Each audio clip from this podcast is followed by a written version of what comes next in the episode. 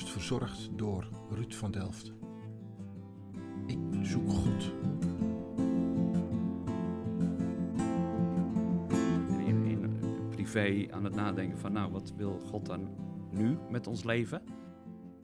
En eigenlijk eh, vanaf het moment dat we daar eh, binnenstapten en met de mensen daar contact kregen, zeiden we van, hé, hey, het zou best eens kunnen zijn dat God een ander plan heeft met ons leven.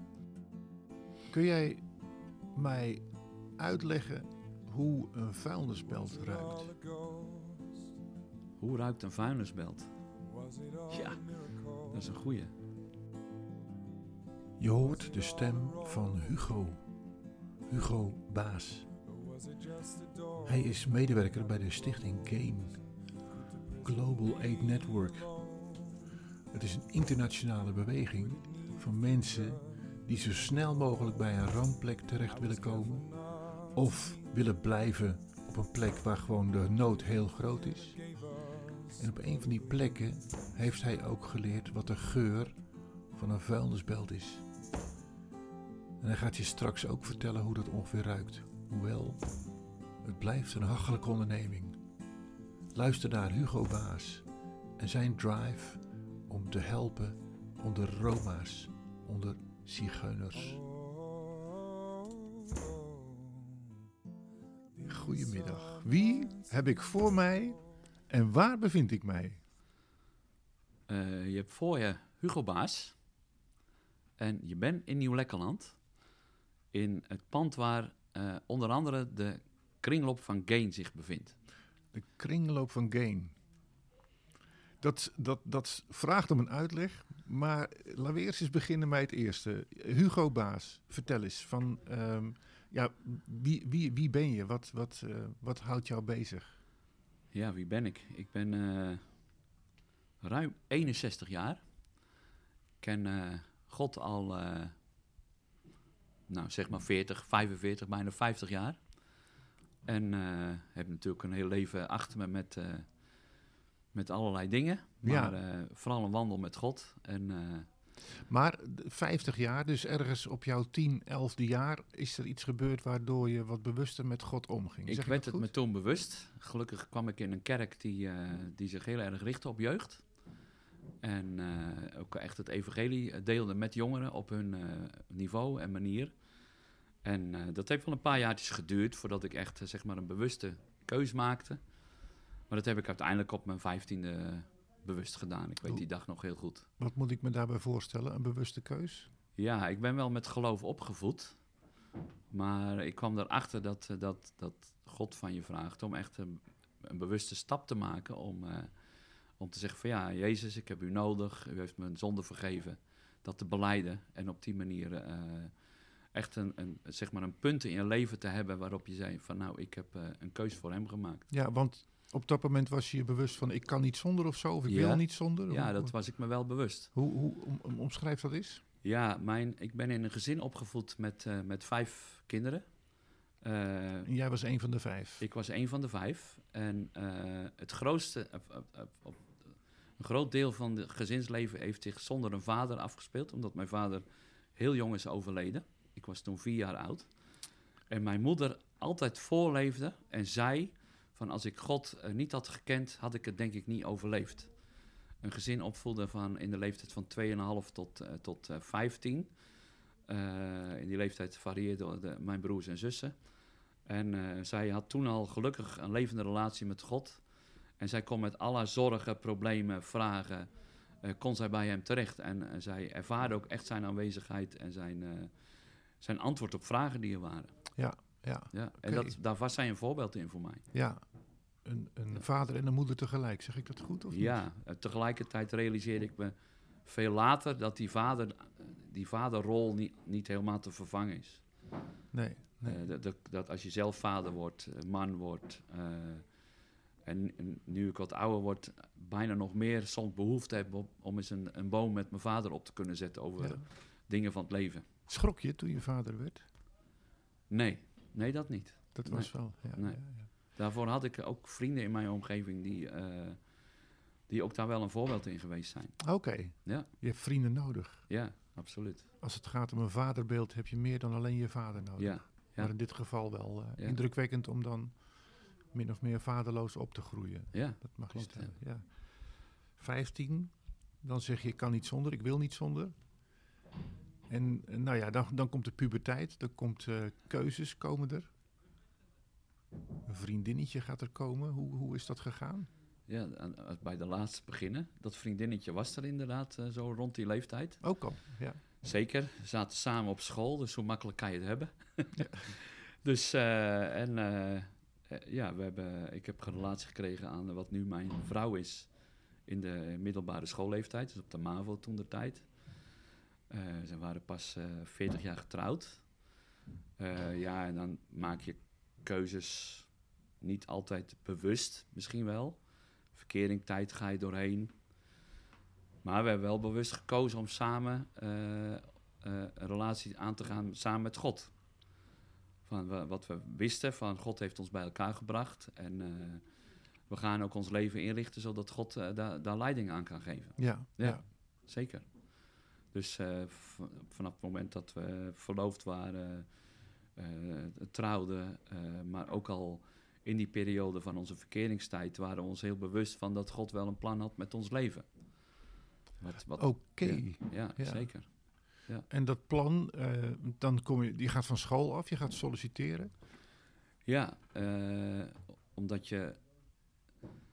Ik, ik, eh, ik, ik had een beetje een, zel- een droom van. eh, Nou, ik wil misschien wel hetzelfde gaan doen als wat mijn vader deed. Oké, En mijn vader werkte in de scheepbouw. En eh, ja, het was een en al scheepbouw in mijn omgeving. Dus, eh, dus, en dat leek mij ook mooi. Eh woonde aan het water. eh, woonde langs werven waar elke paar maanden een schip afging. En dat was altijd beweging en dynamiek. En dat leek me wel wat om, om, die technische kanten op te gaan. Eh, dus die kant ben ik opgegaan. En mijn eh, vriendin, eh, die, was, die had de opleiding voor kleuterjuf gedaan. Alleen er was toen de tijd heel weinig werk in. Er was overschot aan juffen. En die heeft de keuze gemaakt om, om een stukje zending te gaan doen. En is in een kinderhuis in België gaan werken. Nou, 45 jaar geleden was dat eigenlijk nog wel een beetje zending. Kan je nu niet meer voorstellen, want daar rij je nu in een uurtje naartoe. Maar toen was dat toch wel van huis gaan op de jonge leeftijd. Maar heeft dat eh, wel gedaan. Ja, Ja, en dat heeft ja. wel heel veel gevolgen gehad. dat zal ongetwijfeld ook bij jou wel een soort machientje op eh, doen starten. Ja, zeker. Ja. Ja. hey, en ehm, eh, even voor de goede luisteraar. We zitten hier in een rumoerige omgeving. We zitten hier op datgene wat ook een deel van je werk is. Ja.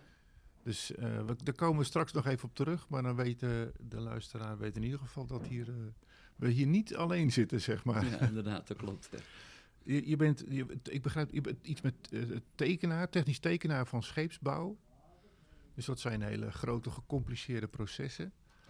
En ergens moment, ook mede door invloed van je vrouw, komt er dan zoiets van: we moeten iets anders. We moeten de, de, de boeg omgooien. Hoe, Nou ja, eh, dat, dat, is, dat is natuurlijk een, een, eh, proces van jaren geweest. We kregen vrij jong kinderen. En in die tijd waren we ja, eigenlijk wel behoorlijk betrokken geraakt bij eh, activiteiten die zich in onze kerk afspeelden. Op het gebied van kinderwerk, jeugdwerk, dat soort dingen. En zijn ja, vrij jong al leiding gaan geven aan het, aan het jeugdwerk in onze kerk. En in die tussentijd kinderen gekregen. Dus je krijgt naast het werk wat je in de kerk doet ook een gezin. En eh, ja, dat, dat, dat, dat hobbelt niet zo voort. Maar je bent altijd wel op zoek naar waar kan ik dienstbaar zijn. En wat, wat wil God nog meer met, met ons leven. En daarvanuit, eh vooral ik dan, eh, leiding gekregen in de, de kerk waar we toen kwamen. En allerlei dingen ontwikkeld en mee, en mee, ja, mee de kerk opgebouwd die er toen was. Oké, En eh, in de tijd ook eh, betrokken geraakt bij, bij opwekking. De grote Pinksterconferentie is voor velen misschien wel bekend. Ja, en dan raak je met heel veel mensen in contact die ook zending doen, verder weg, dichtbij. En dan ga je ook over die dingen in je, voor je eigen leven nadenken. en, en want eh, omschrijf opwekking in een paar zinnen. Opwekking is een grote conferentie waar tienduizenden mensen bij elkaar komen vanuit allerlei kerken en kringen rondom de Pinksterdagen om, eh, eh, God groot te maken, elkaar te ontmoeten, eh, goede preken te horen, seminars te volgen over allerlei onderwerpen die ons als christenen aangaan. Jeugdbijeenkomsten, kinderbijeenkomsten. Dus heel, de, de hele kerk in het klein of misschien ook wel in het groot bij elkaar. En dat, dat, dat, die gaan een week bij elkaar of zo? Of Die gaan eh, een lang weekend bij een elkaar. lang weekend, ja. En eh, dat moet natuurlijk, eh, dat is allemaal in tenten en op een, een locatie waar niks is. En daar ben ik jarenlang bij betrokken geweest om dat op te bouwen, om dat zeg maar te faciliteren, zodat mensen een weekend lang Welk- kunnen genieten. Is dat, is dat een speciaal weekend of zo? Of welk weekend wordt daarvoor gebruikt? Het Pinksterweekend Pinksteren. Ja, Oké, ja. tijdens Pinksteren kun je dus naar opwekking. Ja, En dan kun je daar, tijdens die dagen kun je daar heerlijk eh, van allerlei preken, Ja, ja. seminars. En, Ja. eh, Oké. En mm, je bent waarschijnlijk eerst als bezoeker daar gekomen en, en ineens eh, dacht je van ik ga meehelpen of zo? ja als tiener kwam ik daar. Mijn moeder nam mij mee, samen met mijn zusje, die iets jonger is. En een aantal mensen in onze kerk was al actief bij de hele voorbereiding en opbouw van het hele gebeuren. Ja. En een van, een van de mensen, dat was onze jeugdleider, die zei van... joh, misschien is het wel leuk als je ook een keer meegaat en eens een dagje helpt mee opbouwen. En dat heeft eh, me ho- behoorlijk aangestoken. En eh, het was al snel een week en eh, het, volgde, het werden twee weken. En dat heb ik zo'n eh 40 jaar mogen doen. Je bent wel een doener, hè? Ja, ja, ja, dat de ja. Rotterdamse mentaliteit gaat hier wel een beetje doorheen. ja, ja. Hoewel ik ook wel merk dat ik in de loop van de jaren ook wel steeds meer mensenmens geworden ben. Ja, Oké, dat Ja. heb je. Ja, ja, ja. ja, ja, mooi. Hey, en ehm, nou ja, kijk, de, de podcast gaat over hoop. Eh, ik heb inmiddels begrepen, je bent bij de stichting Agape terechtgekomen. eh, met een groot hart voor jongeren, dat hoorde ik je zojuist ook al zeggen. Eh, bij Discovery geloof ik dat je terecht kwam. Het is een afdeling van Agape geweest, geloof ik. ja klopt. Ja. Wat, wat was je rol daar? Ja, we, in 2003, eh, of eigenlijk de jaren ervoor, door opwekking ben ik in contact gekomen met, eh, met mensen die al voor Agape werkten. En ook voor Discovery werkten. En eh, die, eh, ja, we trokken met elkaar op en dan eh, heb je het over, eh, joh, wat zou, je, zou ik wat kunnen betekenen? Of eh, zoek eens naar wat God in jouw leven zou willen doen. Ik zie wel in jou dat je daarbij betrokken zou kunnen raken. Eh, daardoor zijn we een keer met een jongerenreis meegegaan. En eh, dat heeft nog meer dat vlammetje in, in- in- ja, dat vuur in vlam gezet van nou, misschien zou ik dat wel fulltime willen gaan doen om op die manier dienstbaar te zijn. Fulltime. Ja, Maar dan moet je een werkgever zoeken die daarvoor betaalt of zo. ja dat neem was... aan dat de eh, kachel dat- wel moest branden of zo. ja, dat klopt. Zeker met een opgroeiend gezin. Ja. Agape werkt, werkte en werkt op basis van dat je op basis van giften leeft. Dus dat mensen om je heen jou in je voor financiën voorzien, zodat je ja, toch inderdaad dat brood op de plank hebt en het beleg erop hebt. En eh, daar hebben we een aantal jaren over gedaan, om van, nou, is dit nou echt wat waar God ons voor roept? Samen, samen met mijn vrouw. En in 2003 hebben we die stap genomen op die manier eh, dienstbaar te willen zijn. Dus mijn baan opgezegd. Een deel van, nou, het grootste deel van de financiën die we nodig hadden was, was voorzien. Dus we konden, we konden die overstap maken. En eh, ik ben inderdaad vanaf dat moment fulltime, eh fulltimer geworden bij Agape. Oké. Ja. En dan je salaris krijg je dan van anderen. Ja, een aantal mensen die we, eh, familieleden, vrienden, kerkleden, die ons in de gelegenheid stelden om, om dit werk te kunnen doen. Ja, Nou, toen was dat jongerenwerk. Het, Ja. hart voor jongeren, dat klopt nog steeds zo te horen. Ja. De, de overdracht naar een volgende generatie. Maar ergens, en daar zat mijn, eh, mijn eh, wens in om met jou te spreken. Eh, je bent in de hulpverlening terechtgekomen. Dat, dat, is, dat was niet zozeer bekend, denk ik, binnen die, die, die, die organisatie. Maar kun je omschrijven waar je terecht kwam na Discovery? ja st- Stichting is, is, is, is, is wereldwijd. En ook vanuit wereldwijd ontstond er een hulpverleningstak van Agape, die heette de GAIN, Global Aid Network. En die ontstond een jaar of 12, 11 tot 12 jaar geleden ook in Nederland. Oké, werd die opgericht. En eh, omdat het werk van Discovery binnen Agape eh, stopte, eh, waren we ons aan het bezinnen van ja, welke positie gaan we dan opnieuw innemen binnen AGP. En ja, eindelijk wel door, een, ja, door, door Gods leiding zijn wij daarna bij Gain terechtgekomen. Leg dat eens uit. Hoe, hoe leidt God jou in die volgende stap? Ja, dat is wel, wel bijzonder. In de periode dat wij inderdaad binnen AGP en in, in privé aan het nadenken van... nou, wat wil God dan nu met ons leven? Eh, moeten we bij AGP weg of eh, een andere plek innemen? Ik had inmiddels een plek ingenomen die vooral facilitair was. De panden die we hadden, deed ik wat beheer aan. Allerlei eh, praktische zaken eh, die ik leuk vond, maar van, waarvan we dachten van ja, is dit waarvoor we bij AGP ooit gekomen zijn? En in die tijd stond, ontstond Gain, maar dat was een klein beetje voor mij nog aan de, aan de, aan de zijkant. Het ontstond. Ik wist daarvan, maar eh, we waren daar niet echt bij betrokken. En op een gegeven moment kwamen wij in een nieuwe kerk terecht. Eh, onze vorige kerk vertrokken wij en toen kwamen wij in een nieuwe kerk terecht. En die hadden al snel door dat wij eh, met jongeren op pad geweest waren. Dat we een hart hart hadden voor zending. eh, dat. En toen vroegen ze of dat wij eventueel beschikbaar waren om met de jeugdgroep van die kerk, waar we nog steeds deel van uitmaken, om met hen een, een werkvakantie naar een zendingsland eh, te houden. Oké. En daar hebben we ja op gezegd. En Klinkt als je, je hoefde er niet eens op, over na te denken. nee, omdat het ons hart al had. Ja. We wilden graag jongeren meenemen naar eh, mensen die het zoveel minder hadden.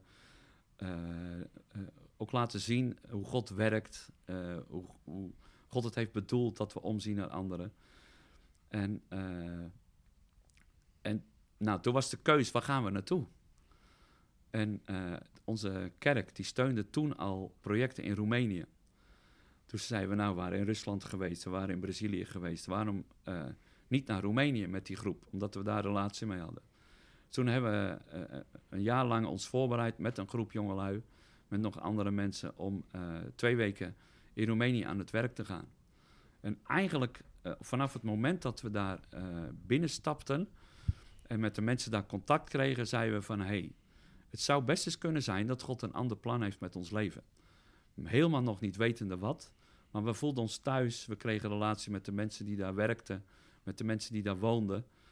Eh, het, het raakte ons. En niet, het was niet zomaar een werkvakantie, zoals misschien sommige andere jaren wel. Maar het was echt iets van, hey, dit wordt op ons pad gebracht met de, van de, God heeft meer eh, gedachten daarbij. Hoe, hoe, hoe doe je dat? Ja, hoe doe je dat? Ja, dat is, dat is eh, ja, bij mij ook wel soms gevoel. Een, een, een bevestiging van, het is goed dat we hier zijn. Van, hé, hey, we hebben zomaar eh, voor je gevoel een reis gepland in een bepaalde periode naar bepaalde plekken toe. Maar dan kom je daar en dan eh, merk je van, hé, hey, we doen het toe. Eh, mensen waren gastvrij. Ze zochten gelijk een relatie met ons. En De, dat, de, de lokale de lokale bevolking, wat vooral Roma waren. En wij noemen het wel eens zigeuners. Die, daar werkten we onder. Die hielpen we met de bouw van een kerk. En we deden kinderwerk en we deden tienerwerk. En we, Maar je komt daar voor het eerst. In wat voor omstandigheden kom je dan ja, terecht? omstandigheden die heel armoedig waren. Geef dat eens een, een woorden. Ja, eh, geef dat eens woorden. Mensen woonden in eh, huisjes opgetrokken van zelfgemaakte stenen. Met een golfplaten dakje. Of met een dakje gemaakt van plastic en eh, oude vloerkleden. Soms een meter uitgegraven in de grond. Leefden ze op de, op de grond, op de klei. Eh, een toilet in de tuin met een hokje van een meter bij een meter. Waar je behoefte op kon doen. Geen stromend water. Eh, stromend water vanuit een kraan waar ze met eh 20, 30 gezinnen mee deden. Eh, mensen die werkloos waren. Kinderen die aan het vervuilen waren. Dat soort omstandigheden. Maar die, zo'n, zo'n huisje kom je niet ergens op een gewone straat tegen, lijkt me. Nee, nee. Dat kwam, we hadden daar contacten, zoals ik al zei. En die werkten zelf daar eh, dagelijks eh, in, die, in die omgeving. En die hadden ons dus gevraagd om daar te komen helpen. Ja. Om daar een kerkje te bouwen. Maar die vroegen niet, die schreeuwden waarschijnlijk. Ja, ja die schreeuwden om hulp. Ja, Een beetje eh, wat de Bijbel ook zegt. De velden zijn wit, maar de arbeiders zijn er wei- weinig. ja.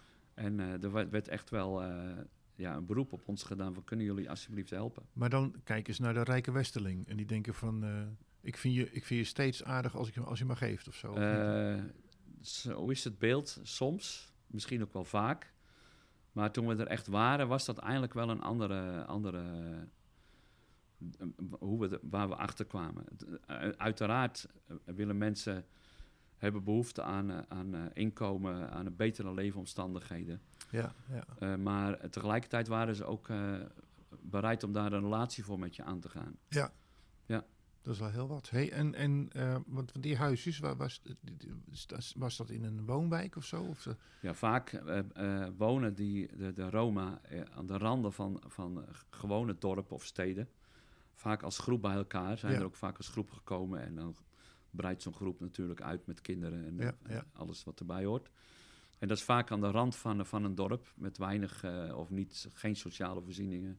Of eh, sanitaire voorzieningen. Of wat er dan ook nodig is om normaal te kunnen leven. dat is verschrikkelijk. Ja, dat is verschrikkelijk. En dat is nog steeds zo. Nog steeds. Ja, dus daarom ben ik daar nog steeds bij betrokken. Ja, ja. Ja, ja dat is echt. het- het- ik wist dat omdat ik daarvoor regelmatig in, in Rusland geweest was. Ik wist dat van beelden die, eh, die ik kreeg na de revolutie in 1990, waarin eh, de, de landen die achter het ijzeren gordijn zaten, eh, daar kregen we beelden van. Iedereen kent de beelden nog wel van de, van, de, van de kinderen die vastgeketend lagen in hun bedjes in kinderthuizen. ja, ja. Ouderen die in hun eigen uitwerpsel lagen.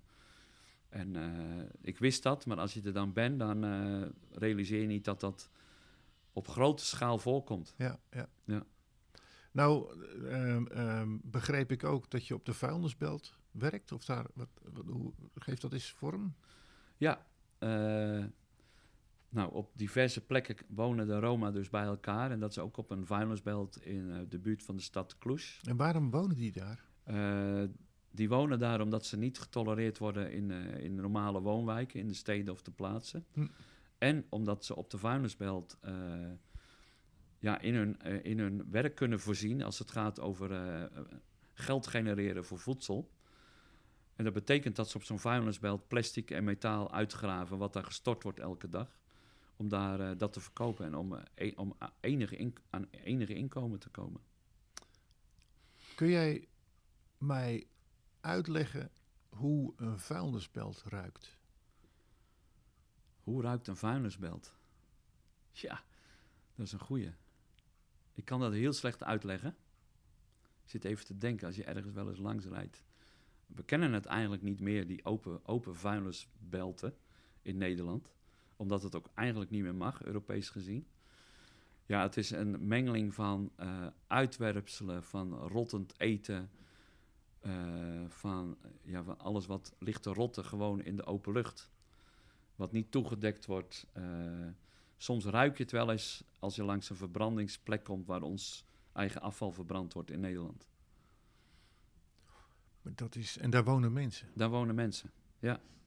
En je kan je voorstellen dat dat in de winter iets minder is dan de zomer, als het ook nog eens 35 graden warm is. En ze wonen er omheen, maar ze wonen er ook letterlijk op. Omdat ze gewoon geen andere plek hebben om te wonen. En Ja. omdat ze een plek zoeken waar ze toch enigszins inkomen kunnen genereren. Ja, ja. Ja, ja. En dan kom jij hoop brengen? Daar kom ik hoop brengen. Hoe, hoe, dat, eh, Ja, dat is, dat, in het begin dacht ik ook van ja, ik, als ik maar praktisch help, dan is het dan, dat, dat is nodig. Want dan hebben ze eh, iets meer te eten. Eh, dan hebben ze een stoel om op te zitten. Maar al gauw merk je dat die arm die je om ze heen slaat, dat dat eigenlijk nog veel, veel belangrijker voor ze is. Dat ze aandacht hebben, dat ze iemand hebben eh, vanuit de buitenwereld, zeg maar, die om ze geeft, die echt om ze geeft. En eh, dat geeft wel hoop. Ja, en dat doe je natuurlijk door, of ik doe dat in ieder geval vanuit mijn geloof. En deel iets van, eh, ja, toch het vaderhart van God, ja. wat, wat, wat spreekt van dat hij naar deze mensen ook omziet. Doe je dat ook uit compensatie omdat je zelf nauwelijks een vader hebt gehad? Nee, Nee, nee, het is echt God zelf. Die, Ja, ja, ja. Daar hoef je niet over na te denken. Hè? nee, hoef ik niet Nee, over na nee, te denken. Nee. Ja. Het is, eh, ja, ik ervaar zelf God ook privé zo, in mijn eigen leven. ja. En dat wil ik graag delen. Dus eh, vader, eh, vriend, iemand die voorziet, en daar niet zo ziet, zeer voor ziet in allerlei praktische zaken. Dat doet hij ook. Maar ook dat hij mij rust en vrede geeft. Ja, ja. Ja, ja. Dus, dus je woont nu hier, maar woon je in je hart ook een beetje daar? Eh, ja. Dat, Dat gaat is, met je mee. Dat is, dat is, dat, eigenlijk hadden we vanaf het moment dat we daar kwamen, hadden we een soort van, en je hoort dat wel vaak, en dan denk je, oké. Maar als je het zelf ervaart, dan is het echt wel een soort van, ik kom hier ook thuis.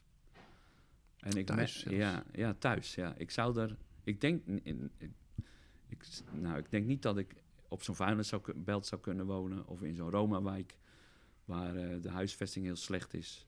Maar ik zou wel in Roemenië kunnen wonen, naast zo'n wijk om, eh, om dichtbij ze te zijn, om met ze op te trekken, met elkaar eh, plezier te hebben, gewoon een leven met elkaar te delen.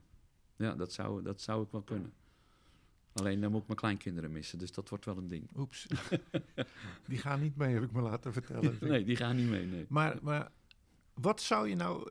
eh, kijk, eh degene die nu luisteren naar deze podcast... die zou je eigenlijk ook iets mee willen geven van... van van wat jou bezighoudt, wat jouw drive is en de manier waarop jij aandacht geeft aan deze mensen. Ja, goed, er, zijn, er is heel veel nood en er is heel veel Ja. hulp nodig. Maar wat zou je aan mensen willen meegeven nu je de kans krijgt? Ja, wat mij wat me vooral ook drijft, en dat word je steeds meer bewust, is hoe dat. Nou, in Matthäus 25 wordt genoemd van als je de armen kleedt, dan kleed je mij, zegt Jezus. Eh, dat stukje geldt voor iedereen eh, die gelooft dat Jezus voor hem gestorven is.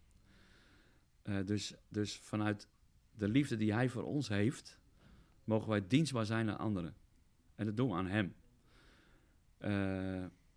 En iedereen kan daarin een deel hebben. En ik geloof dat. Kijk, ik ben in de gelegenheid om, om daar naartoe te gaan, om daar letterlijk te zijn. Eh, een winkel te runnen waarvan heel veel opbrengst naar, eh, naar de projecten mag gaan.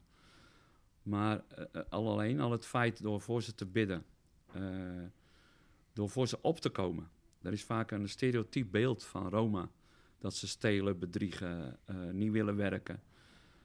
Dat als je gezien hebt dat dat het in de meeste gevallen anders is, om voor ze op te komen, om een ander geluid te laten horen, dat, Ja. dat kunnen we met elkaar. Ja. En eh, eh, ja, ze wonen ook dichtbij. Eh, en ook mensen die het zoveel minder hebben, als we het hebben over vluchtelingen of andere mensen die, die aan onze omgeving toevertrouwd worden, daar kunnen we ook iets, iets aan laten merken van hé, hey, we geven om je. Want, want je zegt, ehm, ze wonen dichtbij. eh Cluj, is dat eh, zoiets als eh, naar Madrid rijden met de auto of zo? ja, dat is hetzelfde. Langer niet. Ja, niet langer. Dat is eigenlijk dichtbij, ja. Dus dichtbij, in onze eigen westerse wereld. Vijf kwartier vliegen, denk ik dan snel. Of niet? Ja, twee uurtjes vliegen. twee uurtjes. Dan zit je in een, eh, in een, st- een wereldstad waar heel veel studenten zitten. Waar het een gewone stad is zoals Rotterdam of, Rot of Amsterdam of Utrecht. Maar als je een half uur de moeite doet om buiten de stad te zijn, dan kom je op die vuilnisbelt terecht. En in de stad zijn er mensen die niet weten hoe die mensen op die vuilnisbelt werken. Zelfs daar niet. leven, zelfs daar niet. nee. Nee. Nu, nu zitten wij, je noemde dat net al, in een winkel. Ehm, je hebt van hieruit heb je ook het een en ander zien ontstaan waar je zelf ook aan eh, bij betrokken bent. Eh, omschrijf eens waar we zijn. Ja, we zijn in een, eh, in een pand waarin we onder andere een, eh, een winkel runnen vanuit Gain. Maar waarin ook, waar ook een plek is voor Vluchtelingenwerk Nederland. Waar een plek is voor eh, waar mensen die, die afstand tot de arbeidsmarkt hebben, opnieuw een stukje training krijgen, hulp krijgen bij het weer vinden van werk of vrijwilligerswerk. Dus allerlei sociale deelnemers in één pand waarin we elkaar vinden en elkaar versterken. Waarin we iets voor elkaar kunnen betekenen. Dus we zitten hier in Nederland, in het Rijke Westen, om het maar zo te noemen. Ook hier zie je dus mensen die wat kansarmer zijn als, eh, als velen. Die help je en daarmee help je dus ook direct dus de mensen daar. Ja, ja, ja, ja. Ja, wij hebben, als ik het heb over de winkel, hebben zo'n 60 vrijwilligers. Oké. Ja, waarvan een, eh, een groot aantal eh, wat ouder zijn. Het fijn vinden om nog iets om handen te hebben. Ja. Maar ook fijn vinden om bij te dragen aan inderdaad eh, ja, een winkel die omzet draait. En met dat geld mensen die het zoveel minder hebben dan wij kunnen helpen. Ja. Ja. Dat mes snijdt aan. Drie kanten? Vier? Ja, aan, aan meerdere kanten. Meerdere kanten, ja. Mensen die een dagbesteding hebben, mensen die, die, die in het buitenland wonen en arm zijn. Mensen die afstand tot de arbeidsmarkt hebben, dagbesteding eh, zoeken. Jongen, ja. ja. eh, eh, statushouders, vluchtelingen die wonen in ons dorp, die bij ons willen werken omdat ze de taalmachtig willen worden. Ja, zo kan je een, een, een lunchroom die er is met mensen met een, af, met een, met een verstandelijke beperking. Dus dat kan allemaal in dit, in dit pand. Dat kan allemaal. Ja. Wat een eh, bijzondere plek zit ik eigenlijk hier. Ja, Dat- dat, eh, dat is zeker. Het is nu wel wat rustiger vandaag, maar over het algemeen bruist het hier van, eh, Ja, ja. van activiteiten. Mensen die ook spullen komen brengen. Mensen weten ons te vinden. En zo werk je eigenlijk samen in Gods Koninkrijk. Dus, dus, dus dat is de, de kringloopwinkel in Nieuw-Lekkerland, zo moet ik het zeggen. Ja. Van harte aanbevolen, zeg maar, om eens een keer een kijkje te komen Zeker. nemen. Dat, Ja, zeker. mij, Ja. Ja. Was it all a ghost? Was it all a miracle? Was it all a road? Or was it Hé, just maar a door? eh, het Gain, eh, ze hebben een website, neem ik aan. Ja? En die luidt www.gainhelpt.nu. gainhelpt.nu. Dus daarmee kun je ook zeg maar, beelden eh, eh, zien van wat, wat het werk inhoudt. Niet alleen hier in deze kringloopwinkel, maar ook denk ik dat je foto's daar zeg maar, ook ziet of elders. Ja, zeker. Ook verhalen. Eh Gain is breder is alleen Roemenië. We doen, Ja. we doen breder werk. Wereldwijd eigenlijk. En dat kan je wel op de website terugvinden. Ja. Ja. Ja. Als jij nou mensen zou willen stimuleren of adviseren, joh, kom nou eens een keer kijken op de plek in Roemenië waar ik bezig ben. Misschien op de vuilnisbelt, ik weet niet of dat zomaar kan. Ja, dat kan. Ja, ik eh, organiseer al een aantal jaren een zogenaamde bezinningsreis. Oké, Eh, bemoedigingsreis ook. eh, waarin je met een kleine groep mensen, een dag of vijf, meegenomen wordt in die andere wereld, die zo dichtbij is. ja. Waarin je jezelf bezint op van, hé, hey, wat zie ik nu? Wat maak ik mee? Hoe kan dat nou? Wat zegt God erover? Eh, wat zeggen de mensen die er werken erover? Hoe ervaren ze dat? De mensen die er wonen. Eh, en, en op die manier eh, maak je echt letterlijk kennis met, met, met armoede, met, maar ook hoe God voorziet. En dat is echt heel waardevol. Je leert zelfs hoe een vuilnisbelt ruikt. Ja, ja klopt. Zou je dat aan iedereen willen vertellen? Ja, dat zou ik wel aan iedereen willen vertellen. Geef eens een definitie van hoop. Hoop. Hoop is, eh, ik vind dus een, is een mooie vraag. Ook met een heel uitgebreid antwoord zou je daarop kunnen geven. Eh, dat is in verschillende omstandigheden is dat anders. Mensen die niet voor zichzelf kunnen zorgen, eh, helpen bij dat weer wel kunnen doen door middel van werk, door middel van scholing, door middel van daardoor perspectief krijgen voor de rest van hun leven.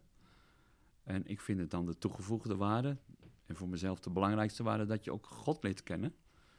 Zodat je eh, bruikbaar kan zijn in zijn koninkrijk, nu. En dat je ook weet dat, dat je ook eh, in de eeuwigheid met hem door mag brengen.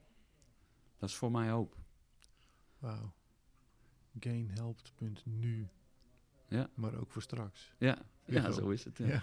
Dat is mooi. eh, ja. Nou, die kwam boven. Hey, dankjewel voor dit eh, bijzondere gesprek. En eh, ik hoop dat velen de website vinden. En wie weet wat daaruit uit voortkomt. Huug, dankjewel. Graag gedaan.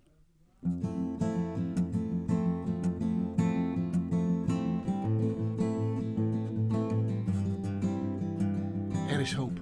Een podcast verzorgd door de Stichting Agape. Motto van de stichting is geloven, groeien en gaan.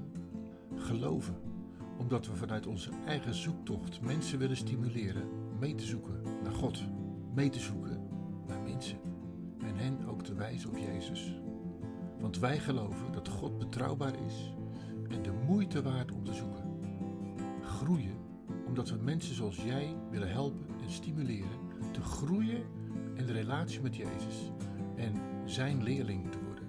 Gaan, we sporen mensen zoals jij aan anderen te helpen ontdekken wat het is om te leven met Jezus. We leren je om je leven te delen in je eigen omgeving of de plek waar God je naartoe stuurt.